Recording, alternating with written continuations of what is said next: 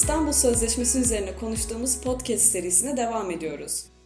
Bu seriyi Türkiye'nin taraf olduğu İstanbul Sözleşmesi'nden gece yarısı kararnamesiyle hukuksuz olarak çekilme kararının ardından hazırlamaya başlamıştık. Bu bölümü ise Müslüman toplumlarda cinsel ve bedensel haklar koalisyonunun her yıl 9 Kasım'da gerçekleştirdiği One Day One Struggle yani ortak mücadele hep birlikte olarak Türkçe'ye çevirebileceğimiz kampanyaya katkı sunmak üzere hazırladık. İki yıldır üyesi olduğumuz CSBR, Müslüman topluluklarda cinsel ve bedensel haklara erişimin yaygınlaştırılması amacıyla feminist bilgi oluşturma, örgütlenme ve aktivist kapasite geliştirme konusunda çalışmalar yürüten uluslararası bir ağ. Bir önceki yayında İstanbul Sözleşmesi'ni cinsel şiddet sonrası destek sistemleri bağlamında ele almıştık ve devletin, kurumların, sivil toplumun, yerel yönetimlerin yükümlülükleriyle sözleşmenin şiddeti önleme noktasındaki kilit önemini ortaya koyan özelliklerini ele almıştık. Bu bölümde ise İstanbul Sözleşmesi üzerinden LGBT artıların şiddet sonrası destek sistemine erişimini konuşacağız. Bugün konuğumuz 17 Mayıs Derneği'nden meslektaşım sosyal hizmet uzmanı Rıza Yılmaz. Rıza, öncelikle davetimizi kabul ettiğin için çok teşekkürler. Bize 17 Mayıs Derneği'nden bahsedebilir misin? Merhabalar Merve. Ben de öncelikle davetiniz için teşekkür etmek istiyorum. Söylediğin gibi 17 Mayıs Derneği'nde sosyal hizmet uzmanı olarak çalışmaktayım. 17 Mayıs Derneği LGBT artı alanında çalışmalar sürdürmek için 2 Eylül 2019'da Ankara'da kurulan bir dernek cinsel yönelim, cinsiyet kimliği, cinsiyet ifadesi ya da cinsiyet karakteristiği temelli bireysel ya da toplumsal düzeyde yaşanan her türlü ayrımcılıkla mücadele için bilimsel, kültürel, sosyal ve sanatsal, eğitsel faaliyetler yaparak aslında aynı zamanda sosyal hizmet, savunuculuk, farkındalık ve insan hakları izleme, belgeleme ve raporlama faaliyetleri yürütüyor. Yani bu sayede de aslında eşit ve özgür bir toplumun inşasına katkı sunma hedefiyle çalışmalarını sürdürüyor. Peki neden 17 Mayıs? Aslında sıklıkla sorulan bir soru bu da. Derneğimizin adı aslında Eşcinselliğin Dünya Sağlık Örgütü tarafından Uluslararası Hastalık Sınıflandırması içeriğinden çıkarıldığı gün olan 17 Mayıs 1990'dan alıyor. 17 Mayıs tarihi o günden beri dünya genelinde uluslararası homofobi, bifobi, transfobi ve interfobi karşıtı gün olarak kutlanıyor. Bize e, biraz da yürüttüğünüz çalışmalardan bahsedebilir misin peki? Tabii Merve. 17 e, Mayıs Derneği öncelikli olarak LGBT artı toplumuna karşı artan baskılara karşı LGBT artı toplumunu ve LGBT artı aktivizmini güçlendirmeyi hedefleyerek kurulan bir dernek. Dernek kurucularımız da ağırlıklı olarak LGBT artı aktivistler ve bu alanda çalışan profesyonellerden oluşuyor. LGBT artı örgütlerin ve aktivistlerin kapasite geliştirme faaliyetleri sırasında ortaya çıkan ihtiyaçlar doğrultusunda gelişen kriz anlarına müdahale ve destek sunmak öncelikli çalışma alanlarımız arasında. Örneğin şu an yürüttüğümüz esenlik programı kapsamında LGBT artı aktivistlerin ve kurumların esenlik halini arttırmaya yönelik bireysel ve kurumsal desteklerle esenlik halinin arttırılması, aktivistlerin çalıştıkları kurumda esenlik konusunda öne çıkarılması, programın diğer faaliyetleriyle birlikte LGBT artı insan hakları savunucularının e, sistematik olarak maruz bırakıldığı ayrımcılığa ve şiddete karşı güçlendirilmesini hedefliyor. Peki sen neler yapıyorsun dernekte? Dernekte benim içinde bulunduğum program psikososyal ve hukuki destek programı. E, burada bir psikolog, bir sosyal hizmet uzmanı ve bir avukat olarak destek veriyoruz ve başvuruda bulunan LGBT artılara ihtiyaç duydukları konularda destek ve danışmanlık hizmeti veriyoruz. Yani sosyal hizmet uzmanı olarak benim verdiğim destekleri şöyle özetleyebilirim. LGBT artıların kendilerine ve çevreye açılma süreçlerinde bilgilenmeleri ve yalnız olmadıklarını görmelerine yardımcı oluyorum. Ee, bu süreçte yaşayabilecekleri sorunlarda başvurabilecekleri mekanizmalar hakkında bilgi veriyorum. Askerlik muafiyet süreçleri ya da cinsiyet uyum süreçlerine dair kişilerin ihtiyaç duydukları bilgilenmeyi ve yönlendirmeyi sağlıyorum. Bununla beraber cinsel yolla aktarılan enfeksiyonlar, LGBT artı kavramlar, sosyal hizmet kurumları hakkında bilgi edinme gibi konularda kişileri güçlendirici bir noktadan desteklemeye çalışıyorum diyebilirim. LGBT artıların şiddet sonrası desteğe erişme haklarını konuşmaya, pandemi sürecini de kapsayan bir yerden ele alarak başlayabilir miyiz? SPOD'un yayınladığı 2020 pandemi raporu bu dönemde LGBT artı danışma hattına gelen arama sayısının çarpıcı oranlardaki artışını belgeliyor. Bu artışın sebepleri ne olabilir? Aslında bu raporda da bahsedildiği gibi LGBT artılar COVID-19 sürecinde başta yaşam hakkı olmak üzere barınma, sosyal yardım, psikososyal destek ve şiddet sonrası destek mekanizmalarına erişim gibi konularda ciddi sorunlar yaşadılar ve yaşamaya da devam ediyorlar.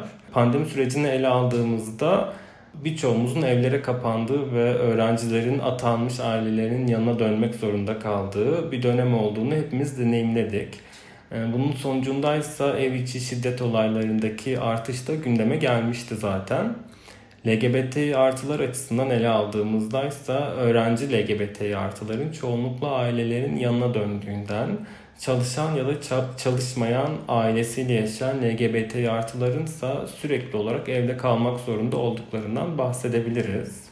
LGBT artılar için en çok üzerine çalıştığımız ve çalışılmasına ihtiyaç duyduğumuz konular yalnız olmadıklarını hissetme ve sosyal destek, akran desteği alabilmelerinin yollarını bulma olarak söyleyebilirim. Pandemi sürecinde başvurulardaki artışın sebebi ise en temelde bu desteğe ulaşabilmenin zorlaşması gibi geliyor bana. Üniversite yaşamı, arkadaşlarla buluşma, işe gidip gelme gibi gündelik yaşantımızın sınırlandığı pandemiyle ev içi dengelerde değişmeler ve atanmış aileler ile sürekli bir arada yaşama mecburiyeti gibi şeyler dahil oldu hayatımızda. Bu da herkeste olabileceği gibi LGBT artılarda da ev içinde yaşanan sorunların artmasına sebep oldu. Öncesinde evde bir sorun yaşandığında gidilebilecek arkadaşlarımıza ve hatta seçilmiş ailelerimize ulaşamaz olduk bu dönemde. Ayrıca bu dönemle beraber özellikle pandeminin başlarında bazılarımız için zaten ulaşılmaz durumda olan hastaneler çok daha ulaşılmaz bir konuma geldi.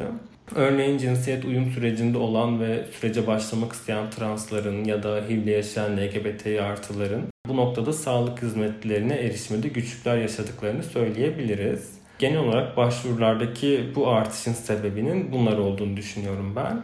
Tam da alanda çalışan biri olarak LGBT artıların destek sistemine erişimi konusunda hangi aşamadayız? Ve 17 Mayıs Derneği'nin alandaki deneyimleri bize ne diyor? Öncelikle çok iyi bir aşamada olduğumuzu söylemem pek mümkün değil maalesef. Örneğin bir şiddet yaşandığında bunun faili birlikte yaşanan kişiler ya da başka biri olabilir. Genelde yapabildiğimiz e, destek alabileceği kuruluşlar ve kamu kurumları hakkında bilgi vermek, işte nerelere hangi saatlerde ulaşabileceğine dair yönlendirmek oluyor kişileri. Ancak bazen fail tam da bu yönlendirdiğimiz yer, buralardaki kişiler olabiliyor. Böyle olmasa bile bu kurumların LGBT artılar için güvenli alanlar olduğunu söylemek de sıklıkla çok zor. LGBT artılara yönelik sistematik olarak körüklenen bir nefret inşa ediliyor maalesef. Bunun sonucundaysa hayatta kalan LGBT artıların yine bu sistemden destek alması ve hatta bu sistemden destek istemesi bile güçleşiyor. Ee, bir diğer önemli konuysa aslında az önce de bahsettiğim gibi ev içinde yaşanan sorunlarda LGBT artılar o evde yaşayamaz hale gelebiliyor ya da tehditlerle evlerinden atılabiliyorlar. Ee, böylesi kalacak yer ihtiyacının olduğu durumlarda çoğu LGBT artı için e, bir destek sistemi olduğunu söylemek mümkün değil. Ee, örneğin kalacak yer ihtiyacı olan bir trans kadın olduğunda kimliğinde kadın yazmadığı için barınabileceği bir yer bulamıyoruz maalesef.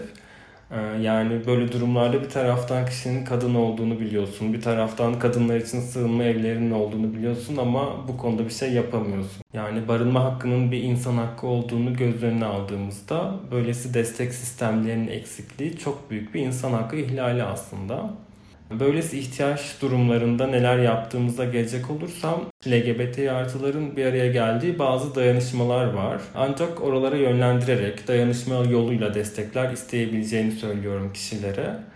Bunlar da kesin sonuçlar vermiyor tabii. Hak temelli bir mesleği yerine getirirken buna ulaşmanın mümkün olmadığı noktalarda böyle yollar denediğimi söyleyebilirim. LGBT artıların dayanışması sayesinde birçok LGBT artı hayatta kalanın güçlendiğini de belirtmeliyim ama. Yani çözümsüzlükle ne kadar karşılaşsak da birlikte hareket ederek LGBT artı dostu kurum ve kuruluşlarla işbirlikleri kurarak aslında iyi şeyler başarmaya da devam ediyoruz. Yani bu sebeple tüm zorluklara rağmen birlikte mücadeleye devam ettiğimiz kişilerin olması ve günden güne artması umudun var olduğunda bir göstergesi. İstanbul Sözleşmesi'nden çıkılmasının ardından LGBT artı hayatta kalanlar haklarına erişmekte zorlanıyorlar mı? Ve haklara erişim nasıl etkilendi sence? Burada aslında haklarına erişebiliyorlar mıydı sorusunu da sormak gerekiyor. İstanbul Sözleşmesi söz verildiği gibi uygulansaydı burada sanıyorum artık e, şu şu haklara erişilemiyor gibi bir yerden açıklamalar yapabilirdim. Ancak pek yapamıyorum çünkü LGBT artılar için haklara erişmek zaten zordu az önce de bahsettiğim gibi. Bu sözleşmeden çıkılması ise en temelde yaşanan bir şiddet durumunda bizi güçlendirecek. Uygulanması sağlanırsa hayatta kalanların haklarına erişmeleri hareketlerini destekleyecek yolların bir anda kapatılması anlamına geldi. LGBT artıların her türlü şiddete karşı korunmaktan vazgeçildiğinin, şiddetin körüklendiği bir ortamın yaratılarak aslında faillerin cesaretlendirildiğinden bahsedebiliriz İstanbul Sözleşmesi'nden çıkılmasına dair. Burada sana şey de sormak isterim. Hani sana göre kapsayıcı bir sosyal hizmet modeli nasıl olmalı? Ve İstanbul Sözleşmesi LGBT artıların yaşadıkları hak ihlallerine ve ayrımcılığa karşı güçlendirilmeleri ve şiddet sonrası destek alma haklarına ulaşmaları için ne gibi tedbir ve yükümlülükler içeriyor? Kapsayıcı bir sosyal hizmet dediğimizde aslında herkesi içeren bir sosyal hizmet modeli karşımıza çıkıyor. Çeşitliliğin desteklendiği bu modelle toplumlardaki çeşitliliği marjinalleştirmeye çalışan baskın norm ve görüşlere meydan okuyan bir sosyal hizmetten bahsedebiliriz. Ee, ki bu da sosyal hizmet mesleğinin temel disiplinlerinden biri aslında. Ee, eğitim hayatımız boyunca herkesin biricik olduğu ve çok çeşitli kimlikleriyle var olduğu, vereceğimiz hizmetin de bu biriciklik üzerinden çeşitleneceği öğretildi bize. Ee, bununla beraber çeşitli kimlikleriyle var olmaya çalışan, hakkı yenen, yok sayılan, herkesin yanında olarak güçlenmeler için çalışmak da en temel öğrendiklerimiz arasında. Bu noktada İstanbul Sözleşmesi'nin dördüncü maddesine yer alan şu kısmı önemli görüyorum. E, taraflar bu sözleşme hükümlerinin özellikle de mağdurların haklarını korumaya yönelik tedbirlerin cinsiyet, toplumsal cinsiyet, ırk, renk, dil, din, siyasi veya başka tür görüş, ulusal veya sosyal köken, bir ulusal azınlıkla bağlantılı olma, mülk, doğum, cinsel yönelim, toplumsal cinsiyet kimliği, sağlık durumu, engellilik, medeni hal, göçmen veya mülteci statüsü veya başka bir statü gibi herhangi bir temele dayalı olarak ayrımcılık yapılmaksızın uygulanmasını temin edeceklerdir.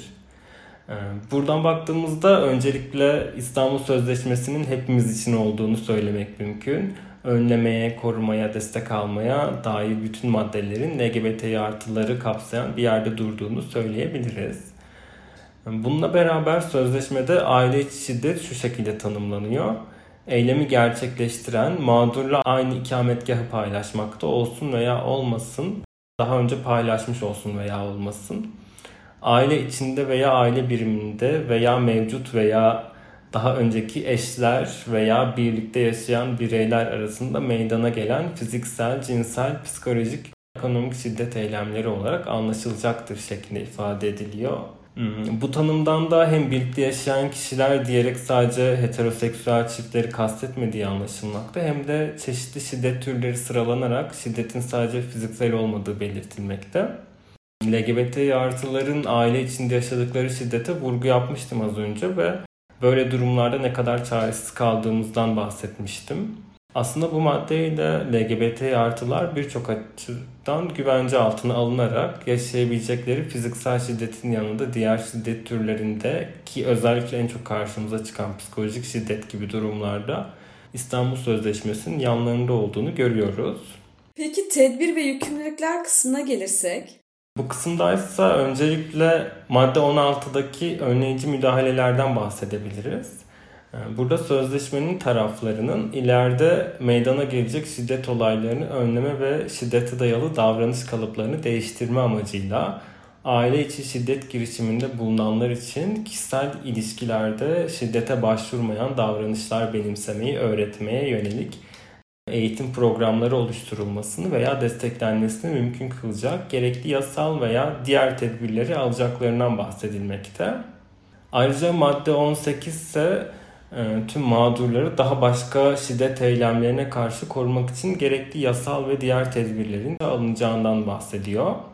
Madde 20'ye baktığımızda ise mağdurların şiddet eylemi sonrasında iyileşmelerini kolaylaştıracak hizmetlere erişimini sağlayacak gerekli tedbirleri alacaklarından e, ve bu tedbirlere gerektiğinde yasal ve psikolojik danışmanlık hizmetleri, finansal yardım, konut sağlama, eğitim, öğretim ve iş bulma yardımında da dahil olacağından bahsetmekte. Ayrıca burada deniliyor ki taraflar mağdurların sağlık hizmetlerine ve sosyal hizmetlere erişim sağlamalarını ve söz konusu servislerin e, yeterli kaynağı olmasını ve hizmeti sağlayacak profesyonel kadroların mağdurlara yardımcı olacak ve onlara onları uygun hizmet birimlerine sevk edecek şekilde eğitilmelerini temin edecek yasal ve diğer tedbirleri alacaklardır şeklinde bahsediliyor. Bununla beraber sonraki maddelerde de aslında hayatta kalanlara sağlanacak yardımdan, uzman destek hizmetlerinden, barınaklardan, telefon yardım hatlarından ve faillerin cezalandırılması gereken durumlardan bahsedilmekte. LGBT artılar açısından bakacak olursak aslında bu saydığım maddeler ışığında baktığımızda LGBT artı hayatta kalanlarla çalışırken yaşamakta olduğum az önce bahsettiğim zorlukların neredeyse hepsi için İstanbul Sözleşmesi'nin bir çözüm önerisi, koruma yolu ve çeşitli tedbirler sunduğunu söylemek mümkün.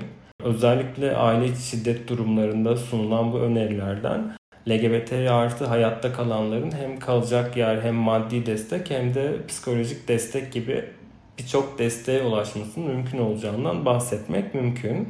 Ayrıca bu maddelerin potansiyel ayrımcılığın karşısında duran yapısını görmek de önemli. Günümüzde körüklenen LGBT artı nefretinin ve artan şiddetin gerekli cezayı alması bu ayrımcılıkları azaltacak ve LGBT artıların yaşadığı potansiyel ayrımcılık tehdidinin önüne geçecektir. Ee, örneğin bir LGBT artıya uygulanan şiddet aslında tüm LGBT artılara yönelik bir psikolojik şiddet ve görünenden çok daha büyük etkileri var. Bu sebeple üzerine basarak tekrar söylemek istiyorum ki tüm LGBT artılar ayrı ayrı çok değerli ve bir kişi daha eksilmemek için çaba göstermeye devam edeceğiz. Bir LGBT artıya uygulanan şiddet aslında tüm LGBT artılara yönelik bir psikolojik şiddettir. Bu cümle gerçekten çok kilit bir cümle. İstanbul Sözleşmesi aslında aynı zamanda imzacı devletlere kadına yönelik şiddete dair istatistiki veri tutma ve bunu kamuoyuyla paylaşma zorunluluğu getiriyor. Fakat Türkiye'de henüz bir veri takip sistemi ve hani veri toplama sistemi bulunmuyor. Siz veri tutma açısından e, neler yapıyorsunuz? Veri toplama noktasından baktığımızda aslında LGBT artı alanında KSG ile yıllardır çalışıyor ve yani yıllardır çıkardıkları bir rapor serisi var. Homofobi ve transfobi temelli nefret suçları raporu. Ayrıca Kaos GL'nin bir taraftan çıkardığı medya izleme raporu var. Yani 17 Mayıs Derneği neler yapıyor açısından bakarsak bizim de izleme çalışmalarımız devam ediyor zaten. İlk çıkan yayınlarımızdan biri de yaşlı LGBT artılar dünyada ve Türkiye'deki durum başlıklı bir izleme raporuydu. Yani bununla beraber yine başka bir raporumuz daha var. Bu da HIV ile yaşayan lezbiyen, gay, biseksüel, trans, interseks ve artıların insan hakları raporu olarak çıktı. Bizim de aslında izleme çalışmalarımız bu şekilde çeşitli alanlarda o savunuculuk yürüttüğümüz çeşitli kapsamlarda devam ediyor. Çalışmalarınıza nereden ulaşabiliriz? 17 Mayıs Derneği'nin öncelikle web sitesinden hepsi ulaşılabilir durumda. Web sitemizde 17mayıs.org. Bununla beraber sosyal medya hesaplarımızdan Instagram, Twitter ve Facebook'tan ulaşabilirsiniz. Orada da yine 17 Mayıs Derneği olarak arattığınızda çıkacaktır karşınıza. Tüm yanıtların ve sohbetin için çok teşekkürler. Ben de çok teşekkür ederim Merve. İstanbul Sözleşmesi yaşatır demeye devam edeceğiz. Cinsel Şiddetle Mücadele Derneği'nin diğer yayınları için de sosyal medya hesapları ve web sitemizden daha çok bilgi alabilirsiniz.